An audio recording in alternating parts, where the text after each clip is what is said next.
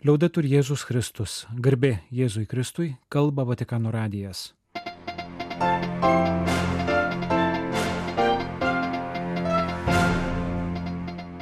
Malonus klausytojai šioje programoje. Aparisidos Dievo motinos minėjimas ir popiežiaus sveikinimas. Sinodo malda už taiką, kiti darbai ir sinodo komisijos. Jeruzalės patriarchas skelbia specialią pasninko dieną. Šventosios Brigidos švedės jubiliejus ir Šventojo Jono Pauliaus antrojo išrinkimo metinės.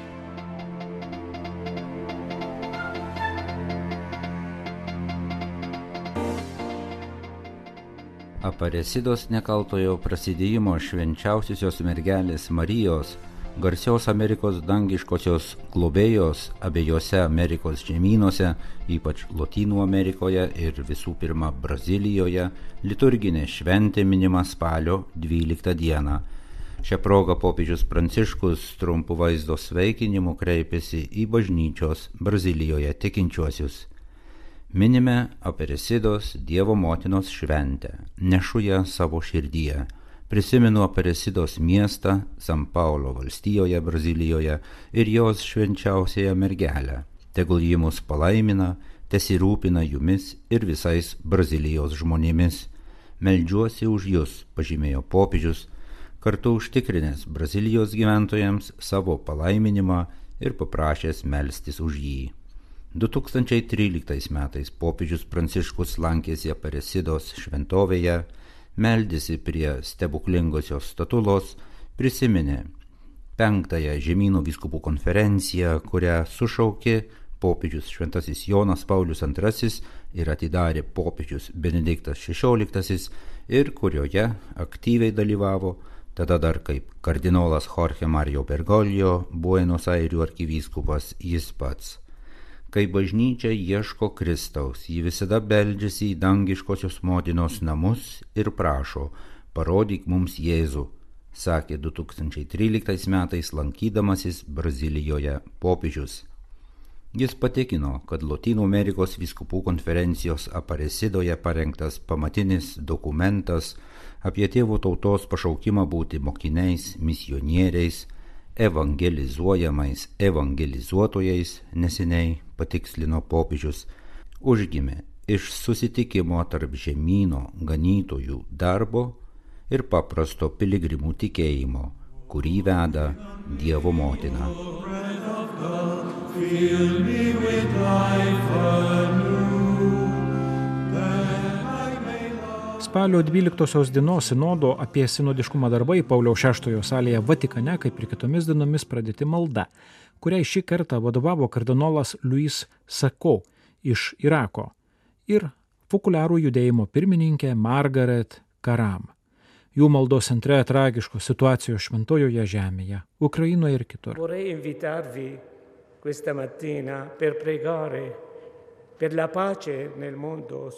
Šį rytą norėčiau pakviesti Sinodo dalyviams sakė Irako, chaldėjo peigų patriarchas Luisako, melstis už taiką pasaulyje, ypač šventojoje žemėje, taip pat Ukrainoje. Prievarta sklinda Irake, Irane, Libane. Žmonės labai tikisi, kad galės gyventi oriai ir broliškai, o ne nuolatinėje baimėje ir nerime. Solidarumas taip pat turi reikšti solidarumą su visais bijančiais ir kenčiančiais. Populiarų judėjimo pirmininkė Margaret Karam tęsė. Signore, ti preghiamo per la terra santa. Viešpatė, meldžiame tave už šventąją žemę, už Izraelio ir Palestinų žmonės, kurie yra be precedenčio smurto nasruose, už aukas, ypač vaikus, sužeistuosius, įkaitus, dingusius bežinios ir jų šeimas. Šiomis kančios ir sąstingio valandomis Savo balsu prisidedame prie popiežiaus ir viso pasaulio žmonių, kurie meldžia taikos, bendros maldos. Taip pat prisimename kitas artimųjų rytų šalis, visas kariaujančias šalis, kurios patiria terorą ir destrukciją. Padėk mums viešpatai įsipareigoti kurti brolišką pasaulį, kad šios tautos ir visi tie, kurie gyvena tokiomis pačiomis nestabilių ir smurtingų konfliktų sąlygomis, rastų pagarbos žmogaus teisėms kelią kuriame teisingumas, dialogas, susitaikymas yra būtinos taikos kūrimo priemonės. meldžiame tave. Dieve, kuris rūpinėsi visais, tegul visa žmonija kilusi iš tave sudaro vieną šeimą. Be smurto, be beprasmiškų karų ir broliška dvasia tik gyvena taikoje, bei santarvėje, dėl mūsų viešpatės Jėzaus Kristaus tavo sunaus, kuris yra Dievas, gyvena, viešpatauja su tavimi šventosios dvasios vienybėje per amžių amžius. Užbaigė sinodo rytinę maldą patriarchas Liuisako. Priminame, kad Jeruzalės lūtynų patriarchas Pier Batista Pizzaballa dėl situacijos Izraelyje, dėl spalio 7 dienos rytą teroristinės ir fanatiškos Hamas organizacijos surinktos didelės atakos prieš Izraelį, po kurios šis surengė atsakomuosius smūgius, turėjo palikti gimtąją Italiją, kurion buvo grįžęs konsistorijos proga ir skubiai išvykti atgal į Izraelį, kad būtų tarp savo tikinčiųjų. Tai nepateisinami, nepriimtini, barbariški veiksmai, kuriuos moraliniu požiūriu reikia atmesti. Po Hamas atakos vienai italų televizijai sakė patriarchas. Solidarizuojame su šeimomis, netekusiomis artimųjų, nedviprasmiškai pasmergdami tokius krikščioniškai ir ypač žmogiškai nesuprantamai dalykus. Ar tai islamo terorizmas? Islamo pasaulyje yra kažkas, kas maitina tokį mąstymą. Tai matėme Sirijoje ir Irake. Manėme, kad Izraelyje to nepamatysime, bet tai įvyko. Be abejonės Hamas giliai nekenčia Izraelio ir visko, kas žydiška, tačiau negalima pateisinti, kas padaryta. Palestiniečių skausmas negali pateisinti tokių dalykų. Išeitis yra nuleisti ginklus ir bandyti rasti sprendimą šiems penkiems milijonams žmonių, kurie negali gyventi pakibe, be perspektyvų dėl savo kaip žmonių ir tautos ateities, pridūrė kardinolas. Hamas teroristinės atakos metu Izraelyje žuvo virš tūkstančio asmenų. Absoliuti dauguma jų buvo civiliai. Netikėtai ir barbariškai užklupto šeimos. Susirėmimuose žuvo ir apie tūkstantį Hamas kovotojų, o likę suimti arba išstumti atgal. Deja, liūdna mirties statistika šiomis dienomis toliau pildoma.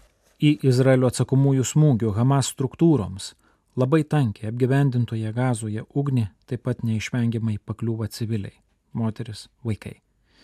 Toliau skambant dejonėms ir keršto, kuris neturi ribų, grasinimams, Jeruzalės lūtynų patriarchas Pier Batista Pizzabala pakvietė tikinčiuosius kovoti dvasiniais ginklais, kurie vieninteliai gali padėti ištrūkti iš begalinės smurto spiralės. Dievas nėra sumaišties, bet santarvės Dievas. Šiais apaštalo Pauliaus žodžiais kardinolas Pizzabala pakvietė spalio 17-ąją skirti pasninkui, susilaikymui ir maldai už taiką.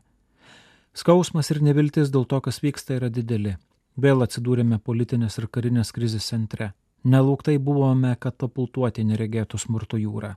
Nepykanta, kurią jau dėja per ilgai jaučiame dar labiau sustiprės. O smurto spiralė paliks dar daugiau destrukcijos. Atrodo, kad viskas kalba apie mirtį. Vis tik šiuo liūdėsiu ir siaubo metu nenorime likti nuleistomis rankomis, negalime leisti, kad mirtis ir jos galonės būtų vienintelis žodis, kurį girdime. Todėl jaučiame poreikį melstis, kreipti savo širdis į Dievą tėvą. Tik taip, melzdamiesi ir užtardami, maldaudami ir šaukdamiesi Dievo šioje kančioje, galime pasisemti jėgų ramybės ir ištverti šiuos sunkus laikus. Visų Šventosios Žemės katalikų ordinaro vadu kviečiu visas parapijas ir religinės bendruomenės surenkti pasninkų ir maldos už taiką bei susitaikymą dieną. Prašome, kad spalio 17 antradienį visi pasninkautų, susilaikytų ir melstusi. Grįžtame prie sinodo apie sinodiškumą spalio 12 darbo tvarkės. Ketvirtadienio ryte iki vidudienio vyko mažųjų kalbinių darbo grupių, čirkulį minori posėdžiai Buvo parengti jų apibendrinimai, savo ruoštų įteikti Sinodo generaliniam sekretoriatui, kuris atsakingas už tolimesnį sintezės darbą. Ketvirtadienio popietę Sinodo dalyviai, viskupai pasauliečiai, vienuoliai, kunigai, dalyvavo piligriminėje kelionėje Romos mieste ir lankė trejas Romos miesto katakombas, ankstyvųjų krikščionių bendruomenių ir jų tikėjimo liudininkės - Šventojo Sebastijono, Šventojo Kaliksto ir Šventosios Domicilės katakombas. Antradienį ir trečiadienį spalio 10-11 dienomis Sinodo asamblėjos nariai darbo grupėse aptarinėjo Sinodo darbinio dokumento Instrumentum Laboris B1 dalies temą spinduliuojanti bendrystė ir grupių išvalgas pristatė generalinėse kongregacijose. Ketvirtadienį spalio 12 dieną visų darbų sintezė įteikta Sinodo generaliniam sekretoriui. Tuo metu asamblėjos nariai per rinkimus papildė dviejų asamblėjos komisijų sintezės rengimo ir informacijos sudėti. Kai kurie komisijų nariai šias pareigas eina asamblėjos statuto numatyta tvarka, kitus narius paskyrė popiežius, dar keli yra šių komisijų nariai pagal pareigas viskupų sinodo sekretorijate. Asamblėja išrinko septynis sintezės rengimo ir septynis informacijos komisijos narius atstovaujančius šešiems žemynams - Afrikai, Azijai, Europai, Lotynų Amerikai, Šiaurės Amerikai, Okeanijai ir Rytų bažnyčioms. Asamblėjos sintezės rengimo komisijai pavesta prižiūrėti sintezės pranešimo projekto rengimo eigą prieš jo pristatymą asamblėjai.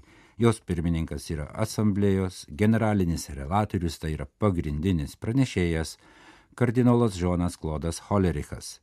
Šią komisiją sudaro iš viso 13 asamblėjos tėvų ir motinų, iš kurių 3 paskyrė popiežius ir 7 išrinko asamblėją.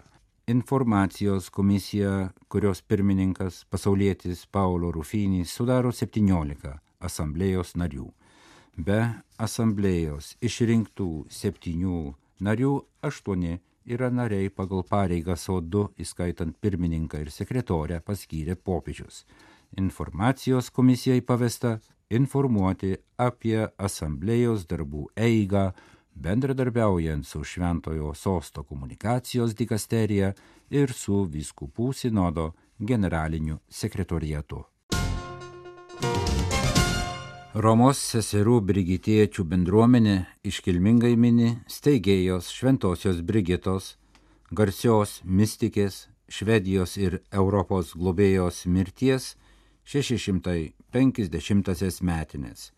Iškilmių proga motininiuose brigitiečių namuose Romoje spalio 10-12 dienomis vyko seminaras apie šventosios gyvenimo pašaukimą ir dvasingumą.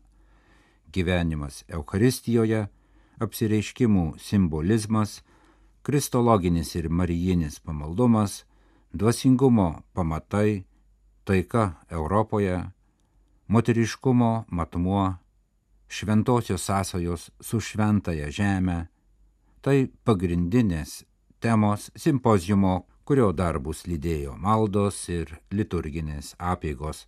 Jubiliejinės sukakties proga naujosios kongregacijos seserys davė vienuolinius įžadus, simpozijumą užbaigė ekumeniniai mišparai, kuriems vadovavo Romos kūrijos kardinolas Kurtas Kochas, šventojo sosto krikščionių vienybės dikasterijos prefektas.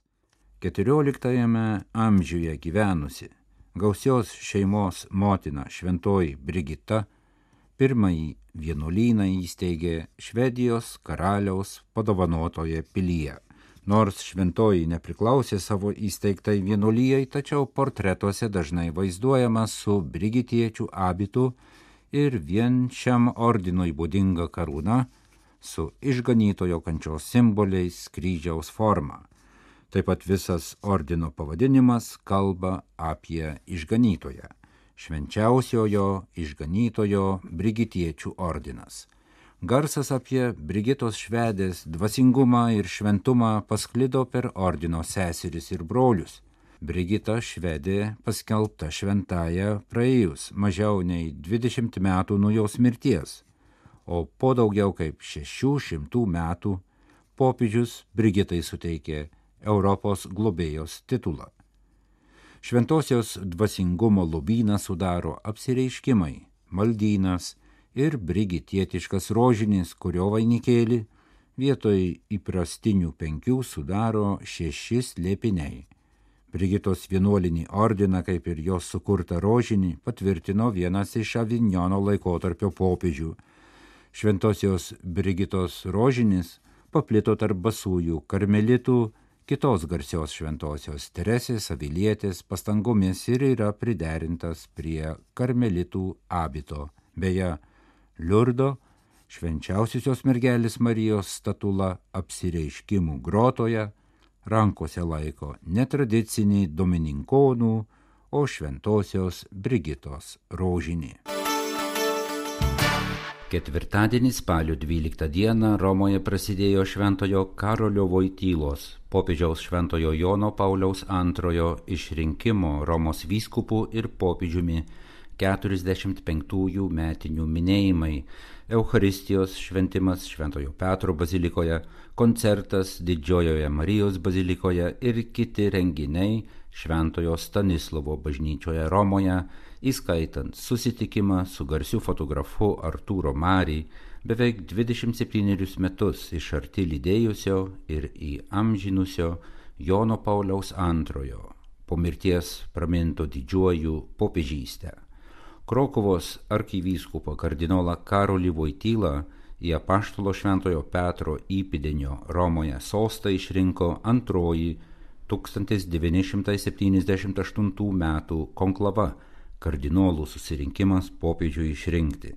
Pirmoji tų metų konklava popiežiumi išrinko Venecijos patriarchą palaimintąjį Albino Lučianį, kuris pasivadino Jonu Pauliumi I, šitaip norėdamas pagerbti dviejų didžiųjų 20-ojo amžiaus popiežių - Šventojo Jono 23-ojo ir Šventojo Pauliaus VI atminimą, kartu pabrėžti pamatinę savo pontifikato kryptį, drąsinti bažnyčios kelionę Vatikano antrojo susirinkimo pramintų atsinaujinimo keliu. Po mėnesio nelauktai mirus palaimintajam Jonui Pauliui I, nauja konklava į jo vietą 1978 m. spalio 16 d. išrinko 58 metų kardinolą Karolį Vojtylą Krokovos arkivyskupą ir jis, pasirinkdamas Jono ir Pauliaus vardus, pasiuntė aiškę žinę, kad ves visuotinę bažnyčią tą pačią pirmtakų dvasia, raginimu nebijoti atverti duris Kristui, semintis iš Vatikano antrojo susirinkimo mokymo lobyno. Iškilmėse Romoje dalyvaus viskupų sinodo 16 generalinės asamblėjos tėvai ir motinos, Lenkijos valstybės vadovai ir Italijos Lenkų bendruomenės atstovai. Spalio 16 rytą 7 val. 15 min.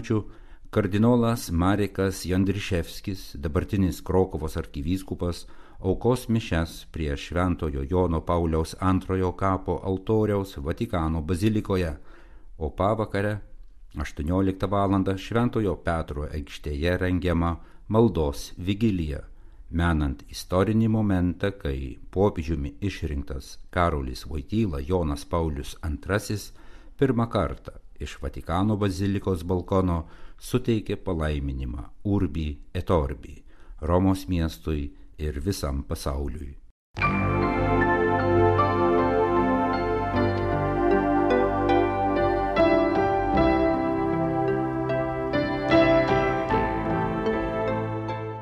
Malonus klausytojai laidą lietuvių kalba baigiame. Kalba Vatikano radijas. Garbė Jėzui Kristui, liaudai turi Jėzus Kristus.